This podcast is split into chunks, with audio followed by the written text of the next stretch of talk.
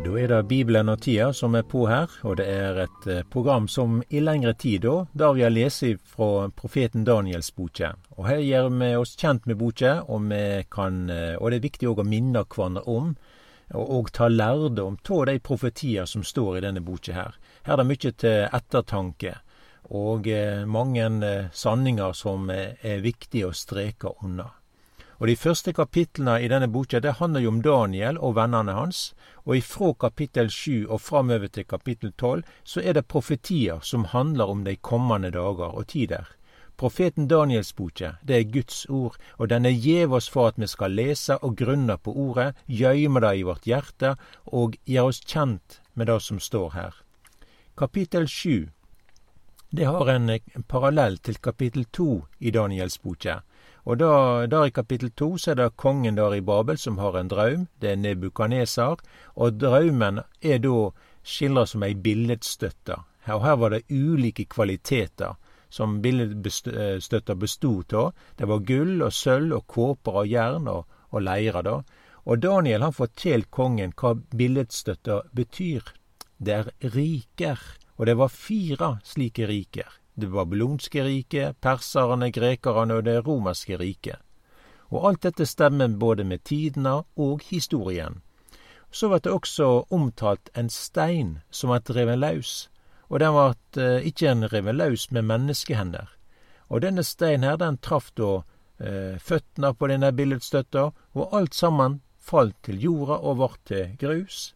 Og denne steinen her, det er Guds rike. Den kan synes som noe lite, og hvem tenker på en liten stein at det skal ha sånn stor betydning, men slik er Guds rike. Det er egentlig typisk, og denne steinen her, den fylte heile jorda. Vi veit at dette er Jesus, Guds sønn. Han blir omtalt som den levende steinen. Og vi leser at Guds rike, det skal komme over heile jorda. Det er riket for Israel, og det er kongesetet i Jerusalem. Vi ber i Fader vår at lat riket ditt komme. Og eh, det er, og det handler om at denne steinen må komme, og at Guds rike, med den fred, harmoni i alt det skapte, i heile kosmos, må verta ein realitet. Og vi veit at det vil komme. Og dette er noe av det profetiske bibelmaterialet som vi også ser her hjå profeten Daniel. Vi kan eh, da gå til kapittel sju her, så les vi her, da. Vi møter det samme her. Her er det da fire dyr, og det er rovdyr. Og det bærer med seg de samme moment som vi da har i denne billedstøtta fra kapittel eh, to, da. Her får vi se da litt av innsida av rikene. Vi leser litt ifra kapittel sju her. Og fire store dyr steig opp av havet alle ulike de andre. Det første likna ei løve og hadde ørnevinger. Medan eg så på, vart vengene revet av, og det vart lyft fra jorda og reist opp på to føtter som et menneske, og det fikk et menneskehjerte. Og sjå, et anna dyr, det andre, likna en bjørn og reiste seg på den ene sida. I gapet mellom tennene hadde det tre sidebein, og det vart sagt til det, stå opp og et mykje kjøt. Sida så eg et anna dyr i synet mitt, det likna en leopard. Det hadde fire fuglevenger på ryggen og fire hovud, og det fikk stor makt. Vi kan òg ta med det som er omtalt her av det fjerde dyret, det er i vers sju her i Daniel sju. Etter dette fikk eg i nattesynet mine sjå et fjerde dyr, grufullt og skremmende, uhorvelig sterkt, det hadde store tenner av jern og åt og knasa alt det som vart av att, trakka det da ned med føttene. Det var annerledes enn alle de eh, dyra som var før det, og det hadde ti horn. Eg akta vel på horna. Da fikk eg sjå et anna lite horn som skjøt opp mellom dei, og tre av de første horna vart rykte opp for å gi rom for det. Og sjå, dette hornet hadde auge liksom gjør menneske, og en munn som taler store ord. Så det fjerde dyret her, det hadde da ti horn. Og det er uttrykk for at her er det et samla team. Det er noen her da som finner hverandre, det kan være ulike interesser, men de er sammen om et felles mål. Og så styrer de da mot det, da. Og hornet som vi da leser, det er uttrykk for makt. Og på samme måte er det òg med løva her, og bjørnen og leoparden. Det er uttrykk for riker. Og på samme måten er det òg med dette fjerde dyret. Men det fjerde dyret her, da, som er skildra, hadde mykje større både makt og imperium. Det var store i kraft og i geografisk omfang. Men i dette riket her, så er det da disse her eh, eh her. Det vokser fram eh, et nytt horn blant disse ti horn. Og det skjer da på bekostning av tre horn som var der da ifra før. Og dette hornet hadde da auge, liksom jo et menneske, og, og hornet hadde òg en munn, og det taler store ord. Her ser vi da dette bildet.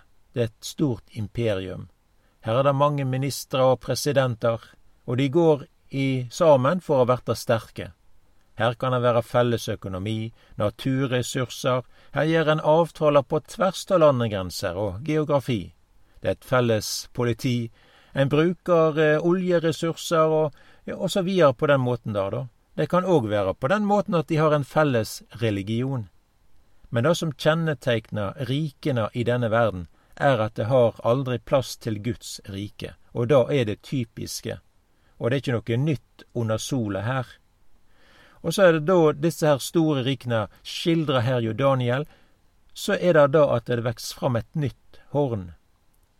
Og dette hornet er annerledes enn de andre horna. Det hadde både auge og munn.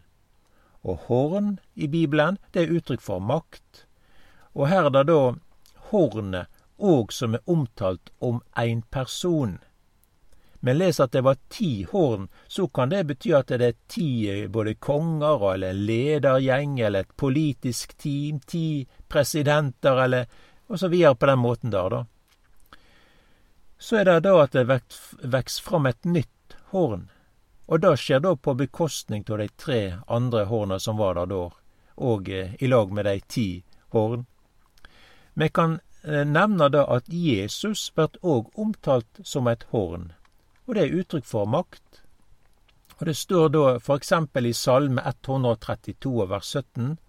Der vil jeg la et horn vekse opp for David, gjøre i stand en lampe for den jeg har salva. Vi kan òg lese Salme 148 vers 14. Han har lyft opp et horn for sitt folk, til en lovsang for alle sine fromme. For Israels barn, det folket som han er nær. Halleluja. Vi tar òg med Lukasevangeliet, kapittel 1 og vers 69. Han reiste et horn til frelse for oss i sin tjener Davids hus. Så her er det profetier som skildrer Jesus. Det er verdens frelser som skal komme, og Bibelen bruker da dette bildet med horn.